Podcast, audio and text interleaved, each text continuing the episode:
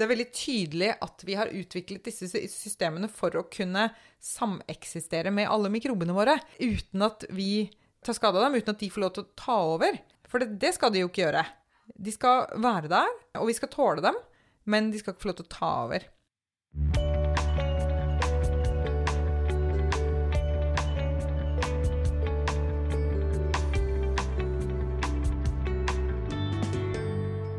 Velkommen til podkasten 'Leger om livet'. Mitt navn er Anette, og jeg jobber som lege.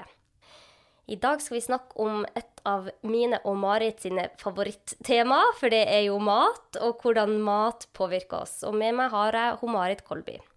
Hun har vært gjest hos meg tidligere. Hun er ernæringsbiolog, og hun er utdanna innen matvitenskap og ernæringsbiologi. Hun har fått en veldig populær Instagram-konto der hun formidler kunnskap om mat og helse. Og eh, akkurat nå så har hun kommet ut med bok. Gratulerer så mye, Marit. Jo, tusen takk for det. Hva heter boka di? Du, den heter 'Hva og når skal vi spise'? Ja. Så det er jo ganske betegnende for eh, hva den handler om. Den handler om hva det er vi skal spise, og den handler om når det er vi skal spise. Så det er, eh, det er liksom hovedtemaene i boka. Masse ny kunnskap om, om, disse temaene. Og ganske annerledes enn det vi er vant til å høre det formidla, da.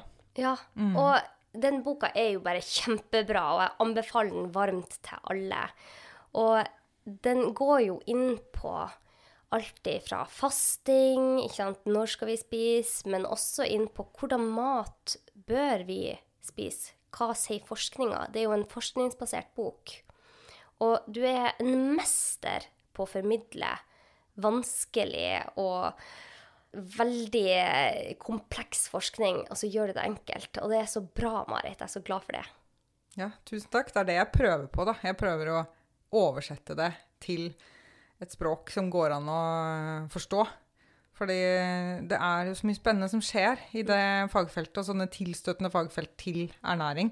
Mm. Eh, og så er det så lite tilgjengelig for folk. Fordi at dette vitenskapelige språket, altså den måten vi skriver på i vitenskapelige artikler altså Man har jo laget seg en sånn måte å skrive på som gjør at det totalt ekskluderer vanlige mennesker i gåseøynene. Mm. Du må være Du må liksom være trent i å lese den type litteratur for i det hele tatt at det skal gi mening. Um, og så tar det jo enormt mye tid. Jeg ser ja. jo hvor mange timer i uka jeg bare bruker på å holde meg oppdatert på alt som mm. skjer. Men du, i dag så skal vi snakke om hvordan maten påvirker oss. Så, men før det så vil jeg vite Hvorfor skrev du akkurat denne boka akkurat nå? Ja, eh, det det, ble, det skjedde litt sånn av seg selv, egentlig. um, altså, jeg har jo jobbet eh, lenge innenfor dette ernæringsfeltet og interessert meg veldig for eh, noen spesifikke temaer. F.eks. dette med eh, betydningen av prosesseringsgrad på mat. Hva er det vi skal spise, og kvaliteten på maten. Mm. Eh, det er et felt som jeg har fulgt veldig tett på. Eh, eller fulgt meg veldig tett på og, og lest omtrent alt som har kommet ut der. Mm. Og et annet tema som jeg også har eh, fulgt veldig nøye med på, det er dette med tarmflora og kosthold. Uh, og så skjønte jeg jo etter hvert at disse to her er jo koblet sammen mm. og påvirker helsen. Mm. Um, og så um, har jeg etter hvert skjønt at her er det så mye nyttig kunnskap som ikke kommer ut, og som ikke har blitt integrert i det vi snakker om når vi snakker om ernæring. Mm. Uh, og så har jeg skjønt etter hvert at det Altså, den naturlige konsekvensen av den kunnskapen her er at vi skal gi noen andre råd om hvordan vi skal spise, enn det vi faktisk gjør i dag. F.eks. dette med at vi skal ikke fokusere på eh, energi og næringsstoffer når vi snakker om hva er det vi skal spise. Vi skal fokusere på kvalitet på maten, og hvorvidt kvaliteten er bevart i det vi spiser. ikke sant? Og mm. kvalitet er jo da forskjellen mellom råvarer og ultraprosessert mat, f.eks. Og så skal vi ikke fokusere på Vel, vi skal ikke spise ofte og lite. Vi skal spise sjelden og nok.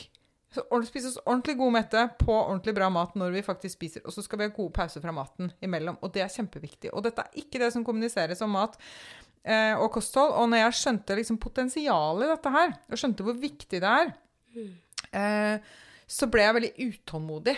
Og så tenkte jeg hvordan i all verden skal jeg få denne kunnskapen her ut til folket? Jeg er nødt til å gjøre noe med det. Eh, og så begynte jeg etter hvert å, å formidle på Instagram, da. Eh, og fant ut at jeg kunne bruke Instagram til å skrive faktaposter. Og så fant jeg ut at det var jo folk utrolig interessert i å lese. det, var, det tok jo helt av. Kunne få, det kunne liksom ramle inn eh, hundrevis, det kunne ramle inn liksom 1000 følgere på omtrent på et døgn hvis jeg skrev et, eh, et innlegg som virkelig traff skikkelig. Så jeg skjønte at her er det et sånn her er det et sånn enormt sug etter den kunnskapen. Og når jeg hadde holdt på med det en stund, og jeg ble veldig gira av det Så jeg gikk og jeg kvernet på nye innlegg i hodet. Gikk og surret i hodet mitt hele tiden eh, og planla nye innlegg. Og det skal jeg skrive om, og det skal jeg skrive om, og det er spennende, og det er spennende. Og, um, når jeg holdt på med det en stund, så ble jeg da kontaktet av det første forlaget. Som var ah. Frisk Forlag, som jeg nå har utgitt, utgitt bok på. Eh, og så begynte vi å samarbeide om en mulig bok. Og da hadde jeg, jeg hadde allerede tenkt at jeg hadde lyst til å skrive en bok, men jeg visste ikke hvor jeg skulle begynne. Mm. Skal, jeg liksom, skal jeg skrive en prosjektbeskrivelse og begynne å banke dører? Og så tenkte jeg det orker jeg ikke. Jeg har ikke tid til det. Jeg har så mye annet jeg må gjøre som er viktigere. Mm. Eh, så det ble på en måte bare med tanken. Mm, men når jeg da fikk et konkret tilbud fra et forlag, så var det veldig mye enklere å få satt i gang den ballen der. Og når vi først hadde begynt å snakke om den boken, så så formet den seg på en måte litt av seg selv. Så den er jo inspirert av min formidlingsform eh, på Instagram. Mm. Så den er på en måte i slags sånne innleggsformat. Altså hver side er et sånt innlegg, egentlig. Så, men det henger sammen. Men de kan også leses hver for seg på en måte, og gi, gi noe Eller poenget var at den skulle gi noe eh, At hvert innlegg på en måte skal gi noe eh, nyttig informasjon, da. Og så summerer du det så fint opp etter hvert kapittel. Ja, det har jeg også prøvd å gjøre. At jeg har lagd sånne take home messages. I mangel av et bra norsk uttrykk. Jeg vet ikke om noen kan et godt norsk uttrykk for det. det mangler jeg, men i hvert fall Det må du sende til meg i så fall. Ja, ikke sant? Det må dere sende inn. dere lyttere. Take home message er en veldig fin sånn eh, Det forteller veldig godt hva det er vi vil si, da. ikke sant? Ja. Dette skal du ta med deg fra dette kapitlet. Så det har jeg tatt på en måte fra hver sånn side på hver bokside. Eh, her er essensen i det jeg har sagt. Sånn at du kan lese det på, måte på slutten av kapittelet. Og så Det blir en slags repetisjon av det aller viktigste. Og man kan også gå inn og bruke de oversiktene som en sånn minne seg selv på hva er det som er viktig eh, ikke sant? etter at man har lest boken. og um, ja, jeg tror jeg, håper, tror jeg håper at det er litt nyttig. Mm. Og så syns jeg det gir en sånn god oversikt over hva er det man egentlig får med seg fra den boken her, da, hvis mm. man står og blar i den f.eks. og lurer på om man har lyst til å kjøpe den. Men hva skal man egentlig spise, og når skal man egentlig spise? ja, ikke sant? Ja, hva vi skal spise, det har jo vi snakket om mange ganger før i den podkasten her. Vi har jo snakket om dette med betydningen av den omfattende prosesserte industrimaten, som er på en måte det ene ytterpunktet. Eh, mens det andre ytterpunktet er jo da den min... Altså maten slik vi har spist den opp gjennom hele mm. vår humane evolusjon, som er råvarer og minimalt prosessert mat. Mm. Eh, så vi skal jo spise det vi er biologisk skrudd sammen for å spise, som er råvarer og minimalt prosessert mat. Og så kan vi selvfølgelig spise noe av det vi kaller prosessert mat også, men hvis vi spiser for mye av det vi kaller ultraprosessert mat, så er ikke det forenlig med en god helse på sikt. Det har jo eh, litteraturen slått veldig grundig fast etter hvert. Så vi er nødt til å Altså problemet er at eh, vi har på en måte bikket den vekten eh, for mye over på siden av ultraprosessert mat. Altså mm. Den andelen har blitt for stor, ser det ut som, da, i særlig i vestlige land. Men det er jo en utvikling som skjer globalt også, i mange andre land også, hvor mange mange befolkninger vender på en måte bort fra sitt tradisjonelle kosthold, mm. som besto av råvarer og minimalt prosessert mat, og mer og mer over på omfattende prosessert industrimat. Den mm. ultraprosesserte maten. Så da eh, har andelen antakeligvis blitt altfor stor, og vi har begynt å spise mye sånn Vi har også begynt å spise mye mer junk i gåseøyne da, til hverdags. Eh, det, har blitt, det har på en måte blitt en veldig stor kulturell aksept for å drikke brus til hverdags, eh, spise is til hverdags i store mengder, spise mye mer godteri, mm. Eh, kjeks, kaker Energidrikker. Ja, ikke sant. Mm. Energibarer. Og det er så mye av det der som også, Mye av det er også ikke-måltider. ikke sant? Mm. Det er sånn hvor du ikke sitter ned og spiser et ordentlig måltid, men det er sånne ting som man heller i seg, eh, putter i seg mellom måltider på farta, i bilen på vei herfra derfra. Det, vi har på en måte endret matkulturen vår også, eller den, hele den konteksten rundt dette her å spise, Mm. til, et, um, ja, til en veldig annen måte å spise på, både med tanke på hva det er vi spiser, men også da hvor ofte vi spiser. Så det er på en måte litt den for naturlige forlengelsen av det, at vi har begynt å spise for ofte. Mm. Fordi vi spiser ehm, Enten så spiser vi dette her på toppen av måltider, eller så har på en måte også måltidskulturen gått litt i oppløsning. At man har mindre fokus på de faktiske måltidene og tenker at det er bra, nesten, å fordele energiinntaket sitt på mange sånne små uh, porsjoner her og der gjennom døgnet. Og det, det er ikke Det ser ikke ut som det er bra for oss. Men hvor kom de rådene for? Var det forskning som viste på det eh, tidspunktet at det var bra å spise lite og ofte? Så. Nei. Det er ikke noe forskning som støtter det. Okay. Dette her kommer fra den matindustrien som er interessert i å selge oss eh, mellommåltider, Hmm. og som har, eh, har på en måte eh, styrt informasjonsflyten der, og eh, skapt et sånt bilde av at eh, Eller skapt en slags sånn aksept, da, for at hvis du, hvis du er litt småsulten, så gjelder det å gjøre noe med det med en gang. Vi må ikke gå småsultne. Det må vi gjøre noe med med en gang. Og eh, man har på en måte sagt at det er eh, at man ikke skal ha lavt blodsukker. Man skal ha opp blodsukkeret hvis man er litt sliten. Og, men dette er jo ikke, det er jo ikke forskningen som ligger bak her. sånn. Dette her er jo sånne industristyrte budskap. Hvis man går til litteraturen ikke noe støtte i litteraturen for at det er bra å spise ofte og lite. Så dette har vært en antagelse, og så er det på en måte mange som har eh, kjøpt det budskapet i gåseøyne. At eh, ja, men det høres jo logisk ut. Kan jo ikke være bra å fråtse, liksom. Eh, men det står ikke i kostrådene f.eks. at vi skal spise ofte og lite.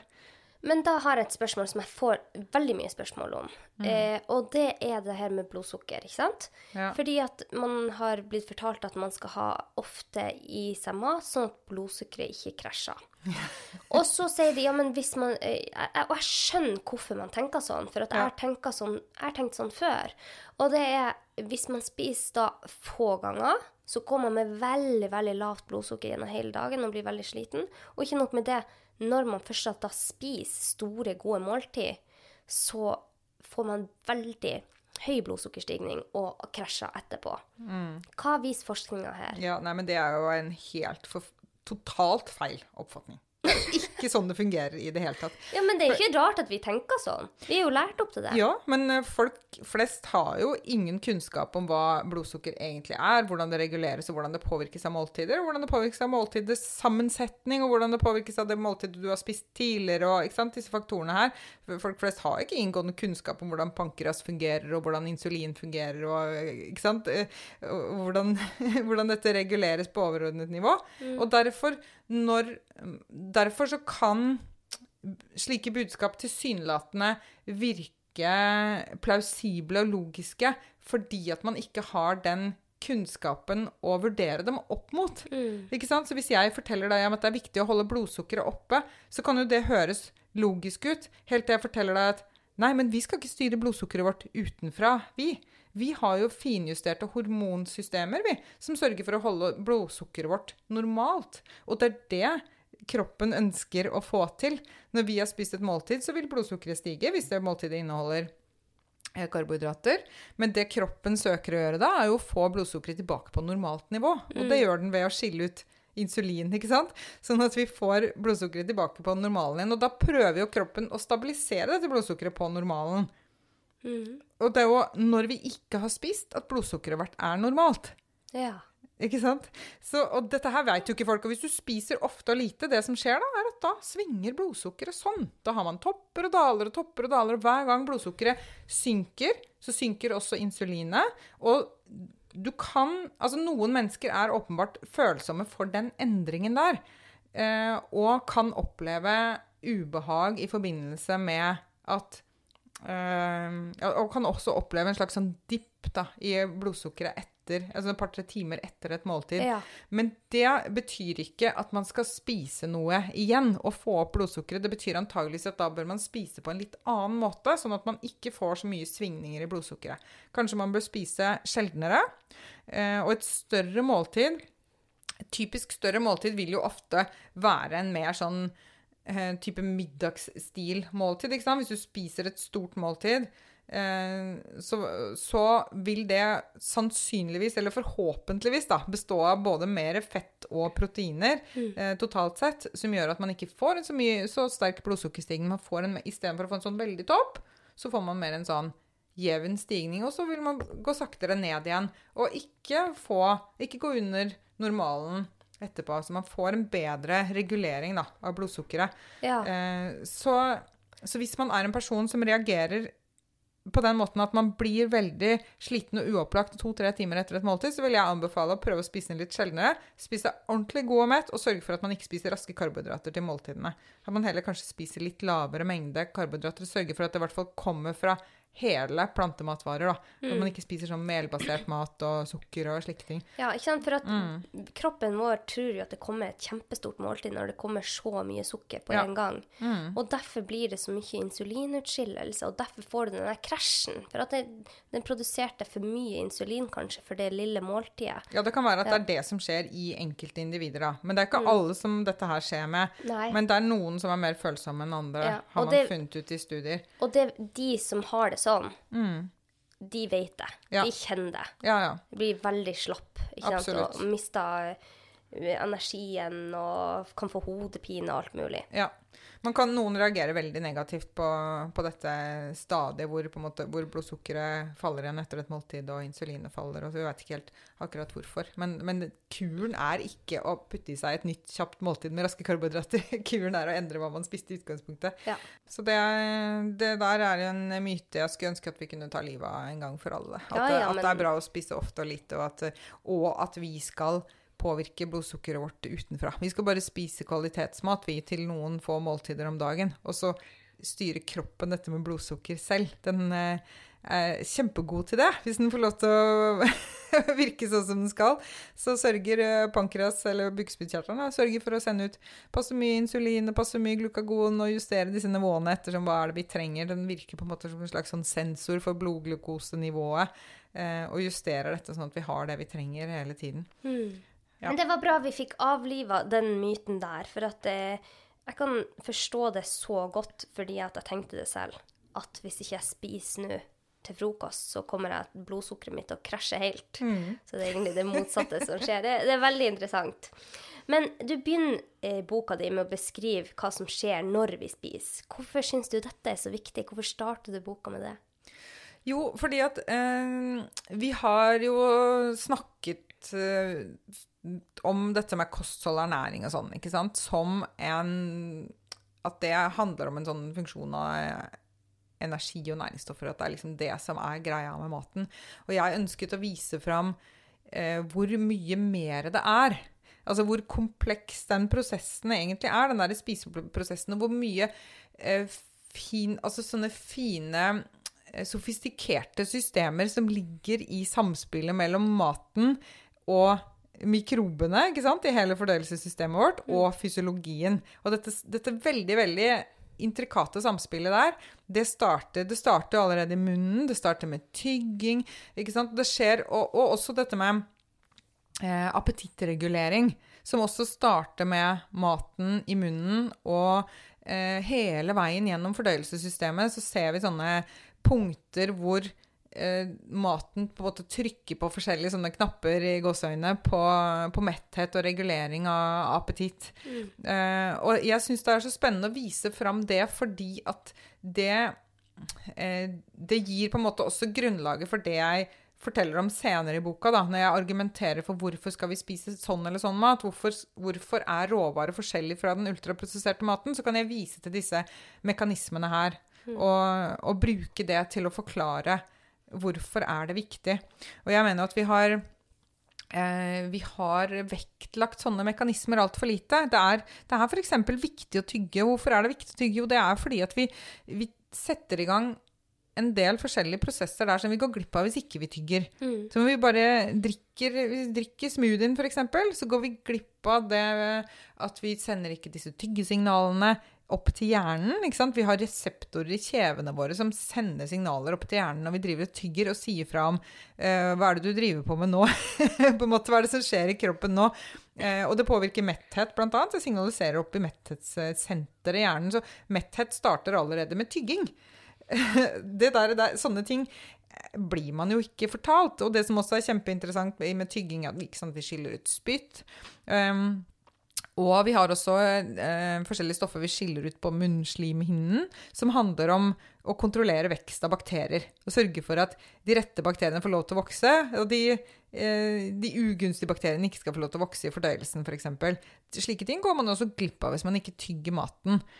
Um, og, og, så har vi også mekanismer for å liksom føle på hva er det vi spiser nå. Vi kan sanse både fett og proteiner og karbohydrater og slike ting som også sender beskjeder til hjernen, som også påvirker metthet og på en måte styrer dette energiinntaket vårt. Mm. Eh, så, så, bare der, i munnen, så er det så mange viktige funksjoner. Og dette fortsetter på en måte gjennom hele fordøyelsessystemet. Så er det sånne spesialiserte mekanismer her og der som skal sørge for at vi samspille med maten på en optimal måte, kontrollere vekst av mikroorganismer, optimaliserer opptak av næringsstoffer. Ikke sant? Alt dette her. Og det for, det for det, første så er det kjempespennende i seg selv, syns jeg. Eh, men så er det viktig for å forstå hva er det som er riktig mat for oss. Og hvorfor er pausene for maten, fra maten også viktige. Det henger sammen med disse funksjonene jeg, jeg beskriver her. Så, så, derfor så tenkte jeg at jeg må starte boka med å fortelle fortelle om det og på en måte ta folk gjennom spiseprosessen og fordøyelsen og fortelle hva som skjer. Eh, sånn at, at, eh, at, man har det å, eh, som knagg, da, å henge kunnskapen på senere. Og det er jo så utrolig spennende. Mm. Men da tenker jeg på det her med den maten vi spiser nå, er jo ofte veldig myk. Vi trenger ikke tygge så mye lenger, fordi at eh, særlig ferdigmat er jo, er jo veldig mykt. Og vi vi tiltrekkes jo det myke. Jeg ser mine barn vil helst slippe skorper. Men um, har det skjedd en endring her? For vi må jo tygge mindre nå når vi spiser ja, annerledes mat. Um, det der uh, har, jeg, har, jeg jo lest litt om, men der er det andre som er mer eksperter enn meg. Uh, jeg, jeg, har jo også lest og vært så vidt borti noe med, om at man mener at det at vi tygger mye mindre, har også endret uh, utvikling av kjevene våre. Så konstruksjonen av hele kraniet vårt har blitt påvirket av uh, at vi tygger maten mindre, og at dette kan føre til uh, Jeg mener å huske at det liksom er relatert til sånne problemer med snorking ja, og, og, slike ja. ting. Det der, det er ikke jeg så kjempegod på, men jeg veit jo det at eller det er gjort studier på dette her med mat som er på en måte hard og sprø, versus ja. mat som er myk. Og bare den faktoren i seg selv har noe å si for man, altså hvor mye man spiser. Det ser ut som at én at det er en faktor da, som gjør at man kan spise mer av den ultraprosesserte maten. For eksempel, mm. Den er lettere å spise. Eh, og det har, har, man jo også sett fra en veldig god studie som undersøkte dette med ultraprosessert versus uprosessert i gåseøyne mat. da, eller liksom mat som ikke inneholdt noe ultraprosessert mat, var at man så at den ultraprosesserte maten ble spist mye fortere. Man kan på en måte bare glefse den i seg nesten mm. uten, å, uh, uten, å, bearbeide den så mye i munnen. Så, så da går man jo glipp av alt dette vi snakket om nettopp. ikke sant? Så der er det også Det er ikke bare det at man spiser maten fort, tror jeg, men jeg tror at selve den tyggeprosessen er så viktig. Uh, og ha, spiser du mat med mye mer bevart struktur, så er du nødt til å tygge den. Altså, hvis du sitter og spiser på en eller annen kålsalat, du kan, du kan ikke liksom bare sende den rett ned i magesekken. Du er nødt til å tygge, ellers, mm. så, så går det ikke. Den mm. vil ikke ned. Og det er jo et sånn godt tips for eh, barna våre å prøve å utfordre de litt på det. Ja. Men de liker, jo også, de liker jo også sprø mat. Altså, for ja. eksempel barn liker jo Er det noen barn som ikke liker agurk? Altså, det er jo sprøtt som bare det. Ja. Um, så hvis du bare må finne de tingene som de faktisk liker, da. De fleste barn liker jo også større barn, i hvert fall. De er jo glad i knekkebrød og ja. uh, Så det er mange litt sånne matvarer som krever litt tygging, som mm. man får barn til å spise. Ja. ja men det, det, jeg tror at det er en, det er en viktig funksjon ja, å, å, være vant til å tygge. Og tenke at det er eh, Ja, det er helt normalt. Og at ikke det er noe man skal prøve å unngå, da. Nei, jeg er enig. Mm. Du skriver også i boka mye om dette med mikrober, Ja. og det elsker jeg å snakke om. Og det er jo påfallende hvordan alle stadier av fordøyelsen inneholder elementer av kontroll og vekst over disse mikrobene. Mm. Og dette regulerer jo metthet og alt det her, men kan ikke du gå litt inn på det, for det er veldig spennende det du skriver om her. Mm. Ja, det er jo um, Det er dette med Dette feltet med eh, tarmflora, da, som jeg tenker har blitt koblet altfor lite sammen med faktisk maten. Eh, men det er jo de er jo så tett knytta sammen. Vi er nødt til å se på det sammen. Jeg nevnte så vidt i stad at, eh, at når vi tygger, så skiller vi ut spytt som inneholder bakteriedrepende stoffer. Vi skiller også ut um, noen sånne antimikrobielle peptider, som det heter, på slimhinnene våre i munnen. Som også kontrollerer vekst av bakterier. Så det starter allerede da i munnen, og at man sørger for at ikke eh, ugunstige bakterier i gåseøynene da, skal få lov til å vokse for mye i munnen. For så fort vi begynner å tygge, så har vi jo bakterier i munnen. Vi har jo masse bakterier på slimhinnene våre som sitter på tennene våre, og sånn, og så får vi jo maten inn, og den har jo masse bakterier. I hvert fall hvis den ikke er eh, ihjelkokt. All fersk og frisk mat har mye bakterier i seg. Vi får jo svimlende summer med bakterier gjennom maten hver dag. Um, mye mer enn det folk er klar over, tror jeg.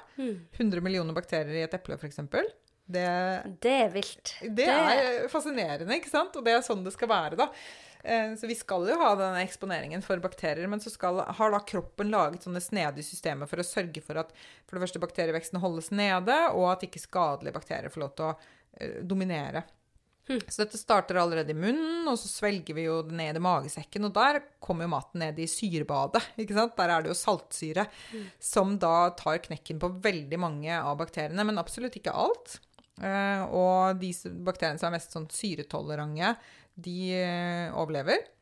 Eller som har tilpasset seg på en eller annen måte å leve i det veldig sure miljøet, da. Sånn som noen bakterier jo har, sånn som vi kjenner til, ikke sant. F.eks. denne Helicobacter pylori, som, som kan forårsake magesår, men som er til stede i veldig store deler av verdens befolkning, faktisk. Ja. Mm.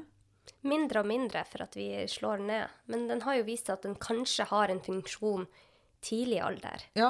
At det, det kan være bra for oss. At Ja. det ikke bare utelukkende dårlig, sånn som man trodde for 10-15 år siden. Ja, nei, det er eh, absolutt Det, det kan være positive effekter av, de også.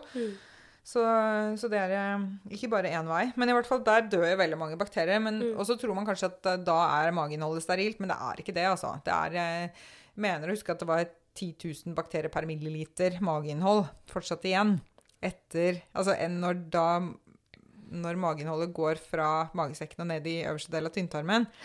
Eh, og da blir jo denne magesyren nøytralisert ved hjelp av bukspytt, og dermed så øker da eh, pH-en igjen. Og dermed så gir det på en måte nytt vekstgrunnlag for de bakteriene som da har fått lov til å eh, være med. Og så har vi jo da bakterier som bor på tarmslimhinnen også. Så der får du på en måte en ny miks av matbakterier og nå tynntarmsbakterier. Eh, så det blir et slags sånn kappløp mellom menneske og mikrobe hele veien der. Og også tynntarmen har disse her antimikrobielle peptidene som skilles ut, som da skal holde styr på eh, bakterieveksten. Eh, og den har også systemet, altså en- enzymer f.eks., sånne funksjonelle proteiner som sendes ut, som skal avgifte stoffer fra skadelige bakterier. eh, som også da sørger for at vi tåler det hvis vi har fått i oss f.eks. noe litt sånn bederva mat og slike ting. At ikke vi reagerer så veldig på det eh, hvis ikke bakteriemengden er altfor stor.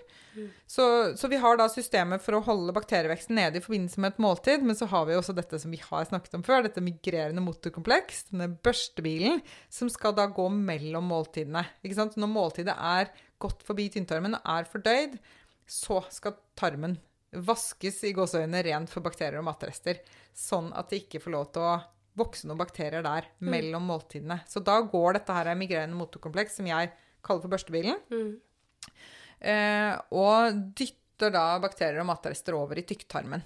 Sånn at, eh, at det ikke får lov til å gjøre skade i tynntarmen. Den tynntarmen er jo veldig skjør og veldig eh, Altså, den er lett å skade, på en måte. Den tåler veldig lite.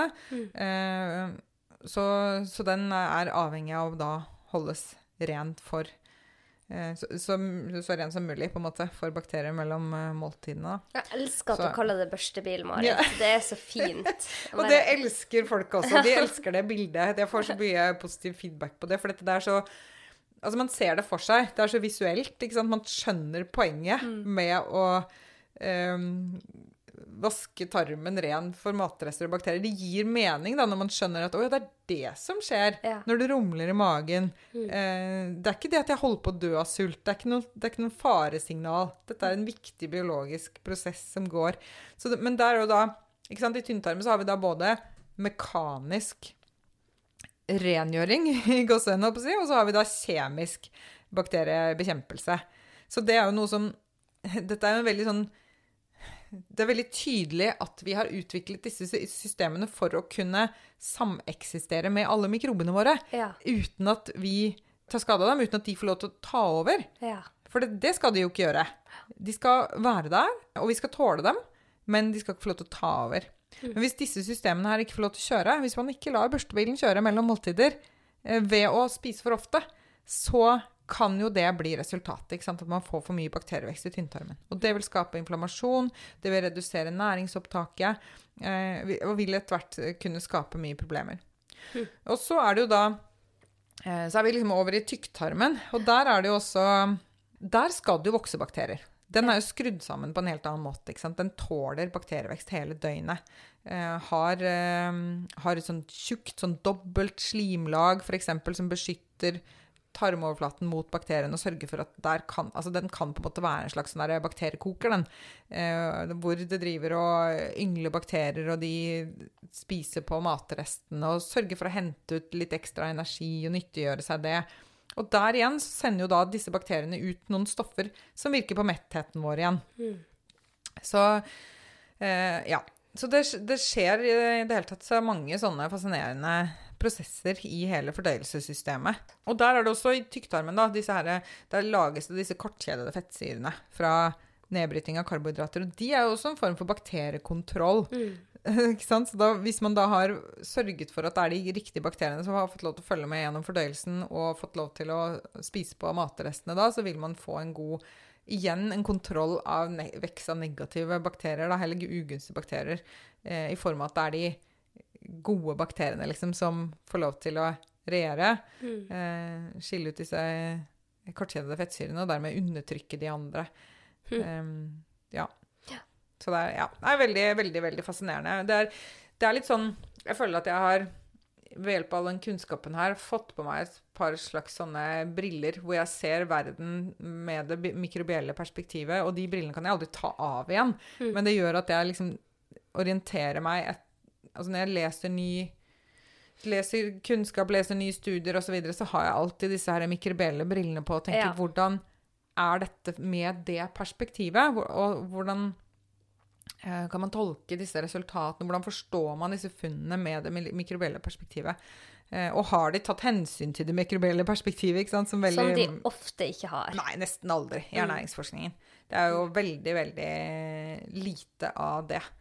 Eh, begynner å hjelpe litt. Da. Man har begynt å skjønne at ja, ok, kanskje vi skal koble dette her sammen. Det som også er litt synd, er at man kanskje av og til benytter sjansen til å få mange publikasjoner ved å publisere da de funnene hver for seg. At man Ja. har kanskje undersøkt en effekt av en eller annen kostintervensjon.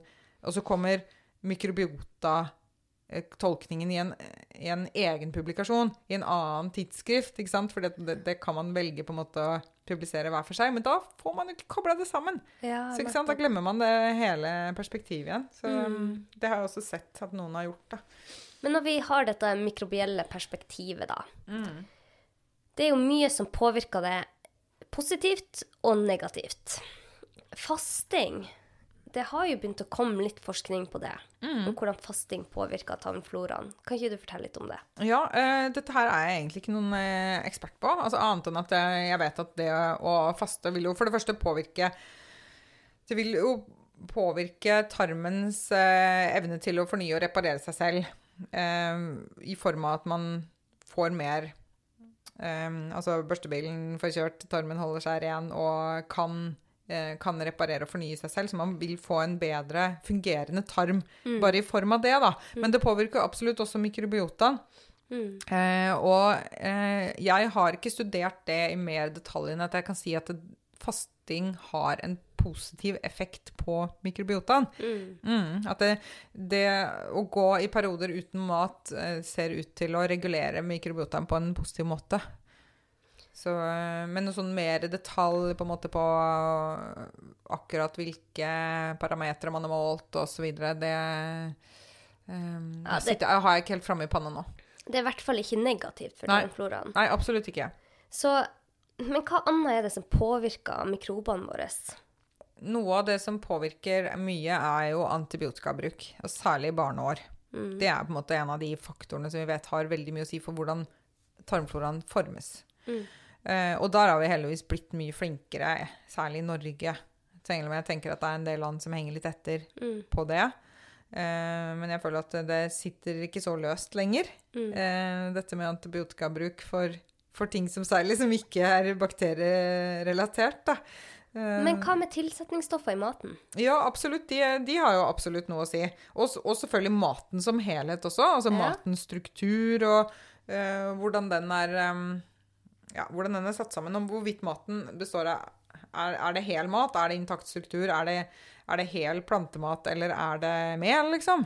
Det vil jo absolutt ha noe å si for hva slags bakterier er det vi eh, dyrker fram i fordøyelsen. Men så er det dette med tilsetningsstoffer også, som er en, en eh, viktig greie. Og da må vi benytte anledningen til å si at det er jo ikke alle tilsetningsstoffer som er problematiske. Absolutt ikke. Og en del av tilsetningsstoffene er jo riktig og viktig å bruke også for å holde maten trygg. F.eks. konserveringsmidler, eh, noen antioksidanter f.eks. Altså, slike stoffer de bevarer jo kvaliteten på maten.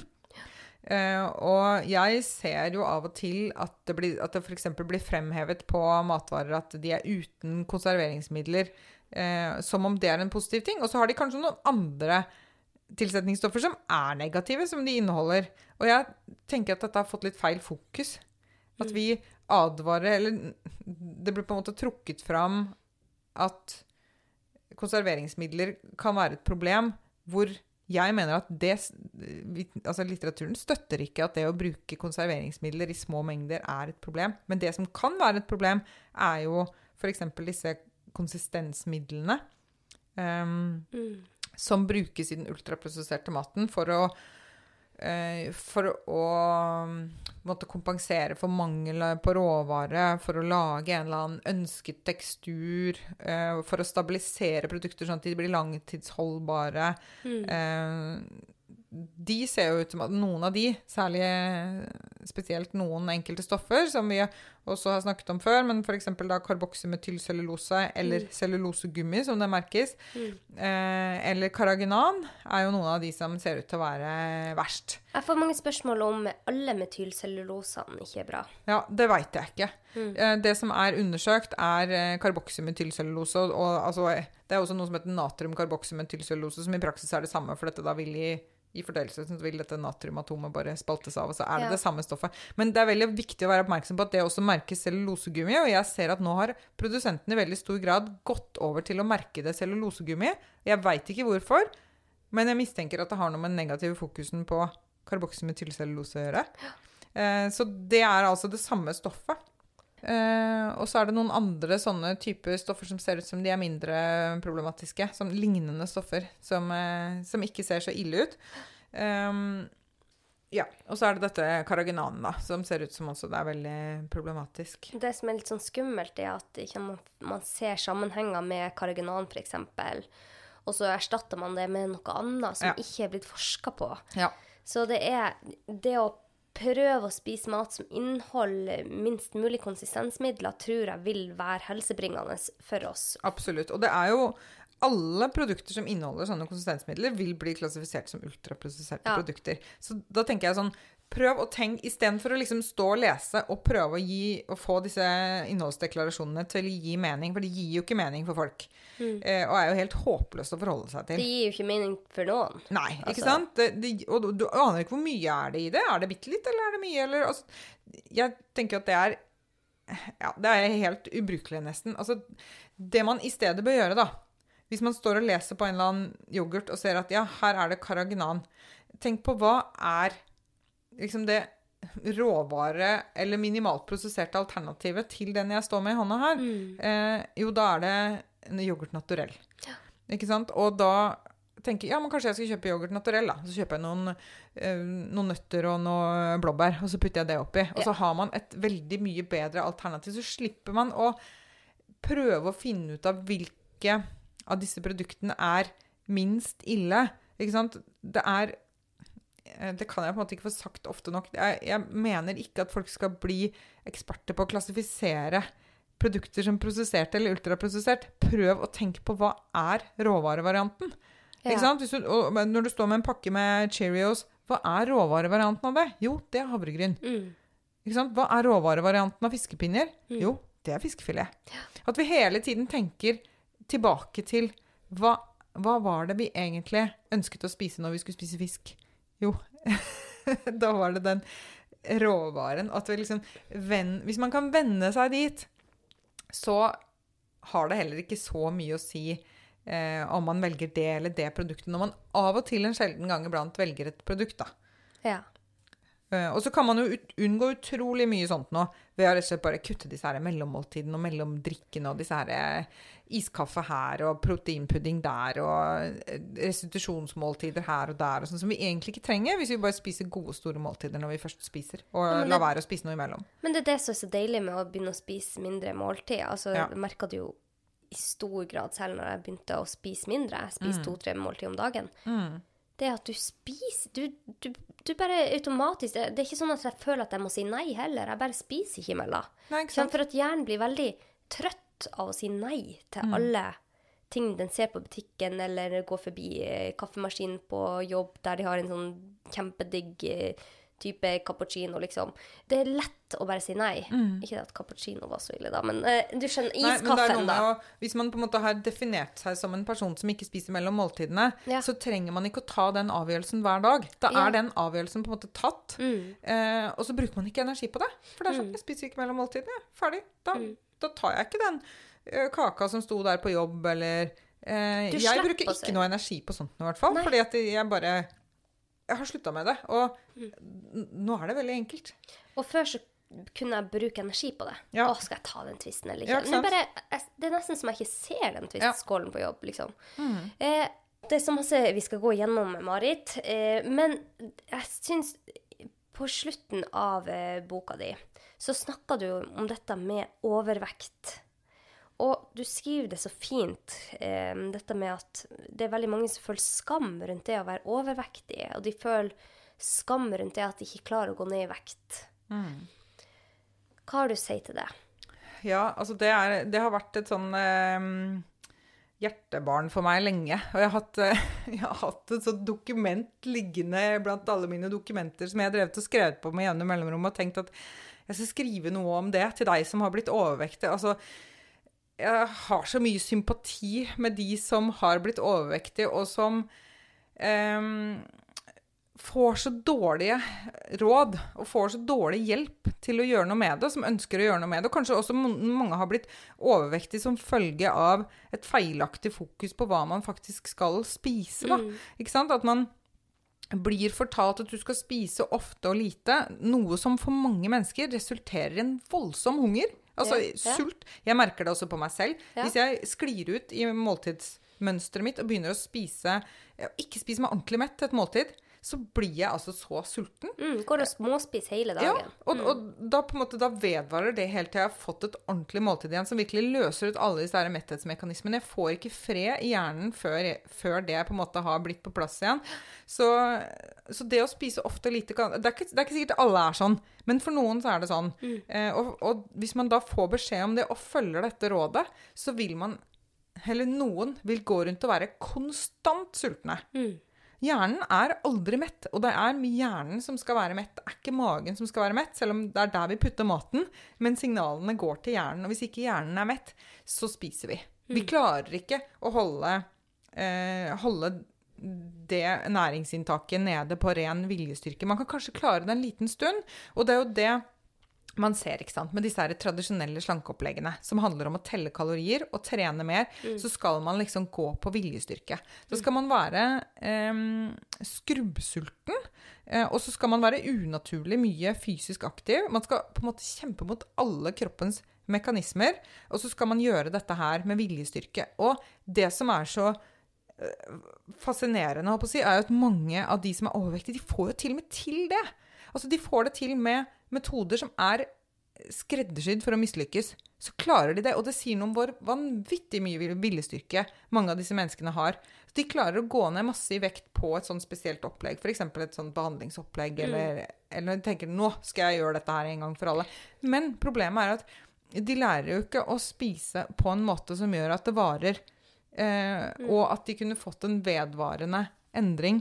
Og det som skjer, er jo at, at man klarer jo ikke dette her i lengden. ikke sant? Så på et eller annet tidspunkt så, så ryker dette opplegget fordi at så Det er umenneskelig. Det er helt umenneskelig. Og så psykisk sterke er ingen. Og så går man på en måte tilbake til dette mønsteret ja. som man var i før. Og så kommer all overvekten tilbake. Og så kommer den der skammen og den der skylden og den der mislykketheten. Mm. Og jeg har så mye sympati med de menneskene som har vært igjennom dette her mm. gang på gang på gang på gang. Og så blir de fortalt gang på gang at det er det samme de skal gjøre.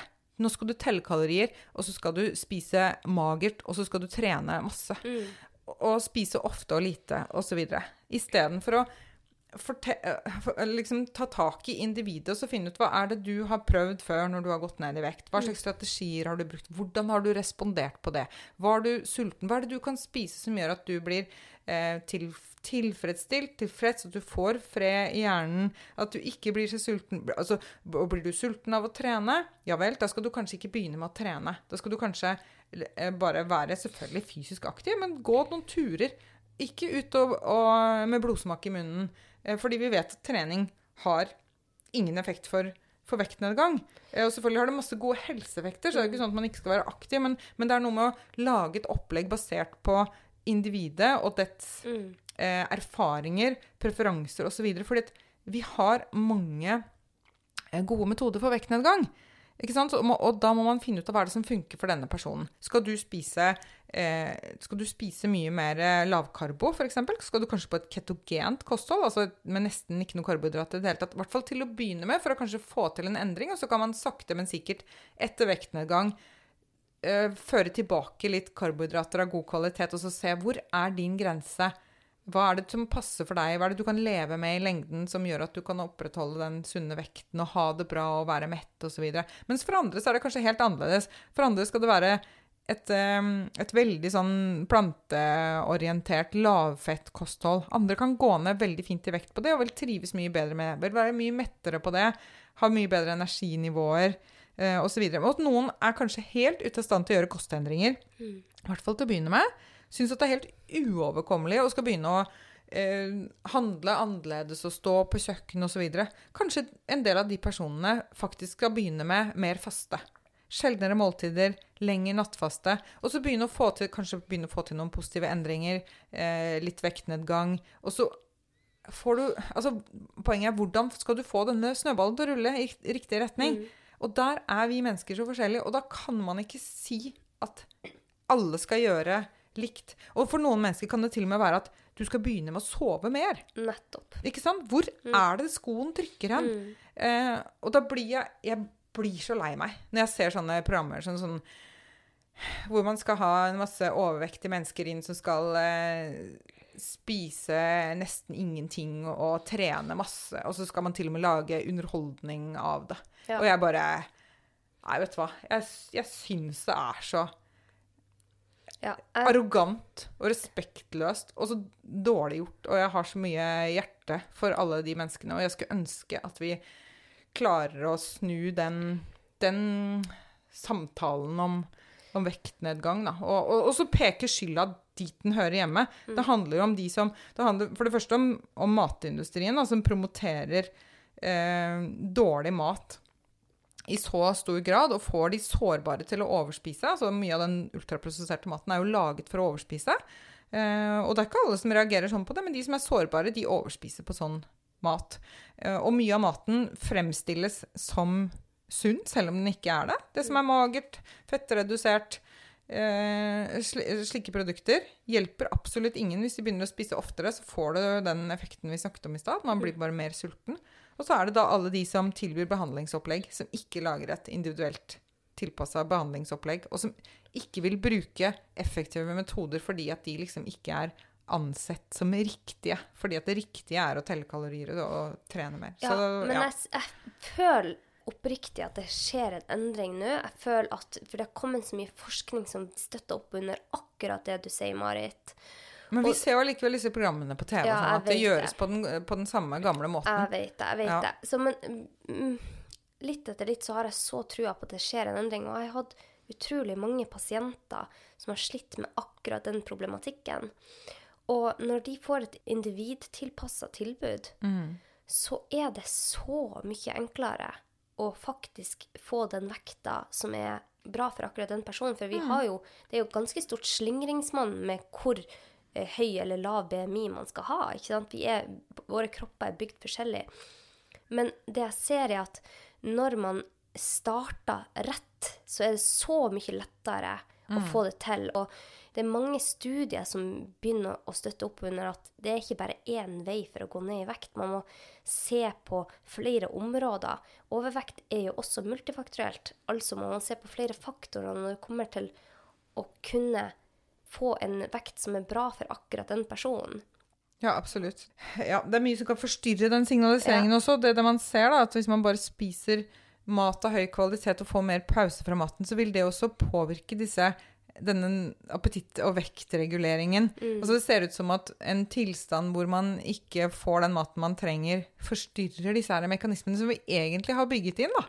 Ikke sant? Så, så det er også noe med hva er det som får kroppen til å fungere sånn som det skal. Og det er så mange som har meldt tilbake til meg at de sier f.eks. at nå begynte jeg å spise sjeldnere. Jeg er så mye mindre sulten. Og det er egentlig helt sånn, det høres helt sånn kontraintuitivt ut, men det er noe med at kroppene våre er ikke bygget på matematisk eh, logikk, liksom. Vi er biologiske vesener med sånne finjusterte, snedige reguleringsmekanismer som ikke kan settes opp som regnestykker. Og derfor er vi nødt til å finne ut av hvordan er det vi fungerer. Og så må man, så er det kjempeviktig da, hvis man begynner med en strategi på en, en vektnedgang, og den ikke fungerer, så må man justere kurs. Da kan man jo ikke si at nei, men nå har du, du har ikke gjort som vi sier, vi. Og jeg føler at det, sånn er det litt.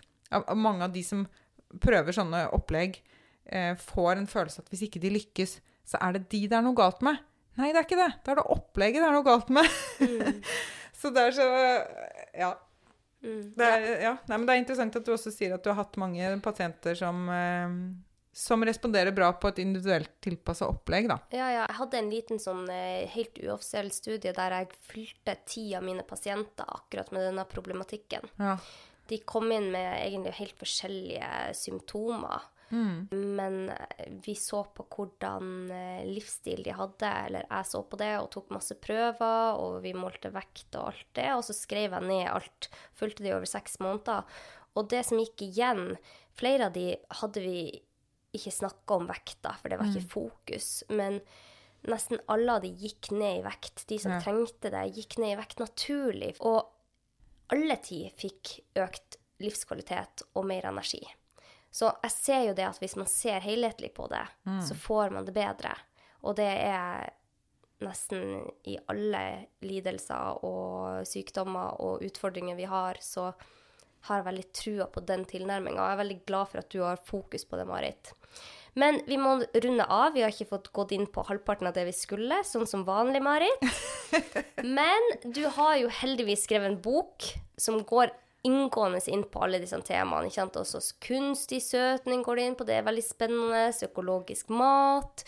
Du går inn på dette med mental helse og inflammasjon, lavgrad av inflammasjon. Det er masse spennende. Så hvis dere ønsker å gå mer inngående inn i disse temaene, så kan dere forhåndsbestille boka på Frisk forlag. Og boka heter 'Hva og når skal vi spise?' Ja, og den er i forhåndssalg nå, Ja, og så lanseres den 19. mai. ja, så noen dager etter episoden kommer, så er den ute i alle bokforhandlere og på nett. Den kan i hvert fall bestilles i alle bokhandler. Ja. Ja. Og eh, med det så avslutter vi. Hvis dere har noen spørsmål til meg, så kan dere finne meg på doktor Anette Dragland på Instagram eller Leger om livet på Facebook. Og hvis du liker podkasten, ta og gi den eh, de stjernene du føler den fortjener. Og med det så takker vi for oss. Ha det godt.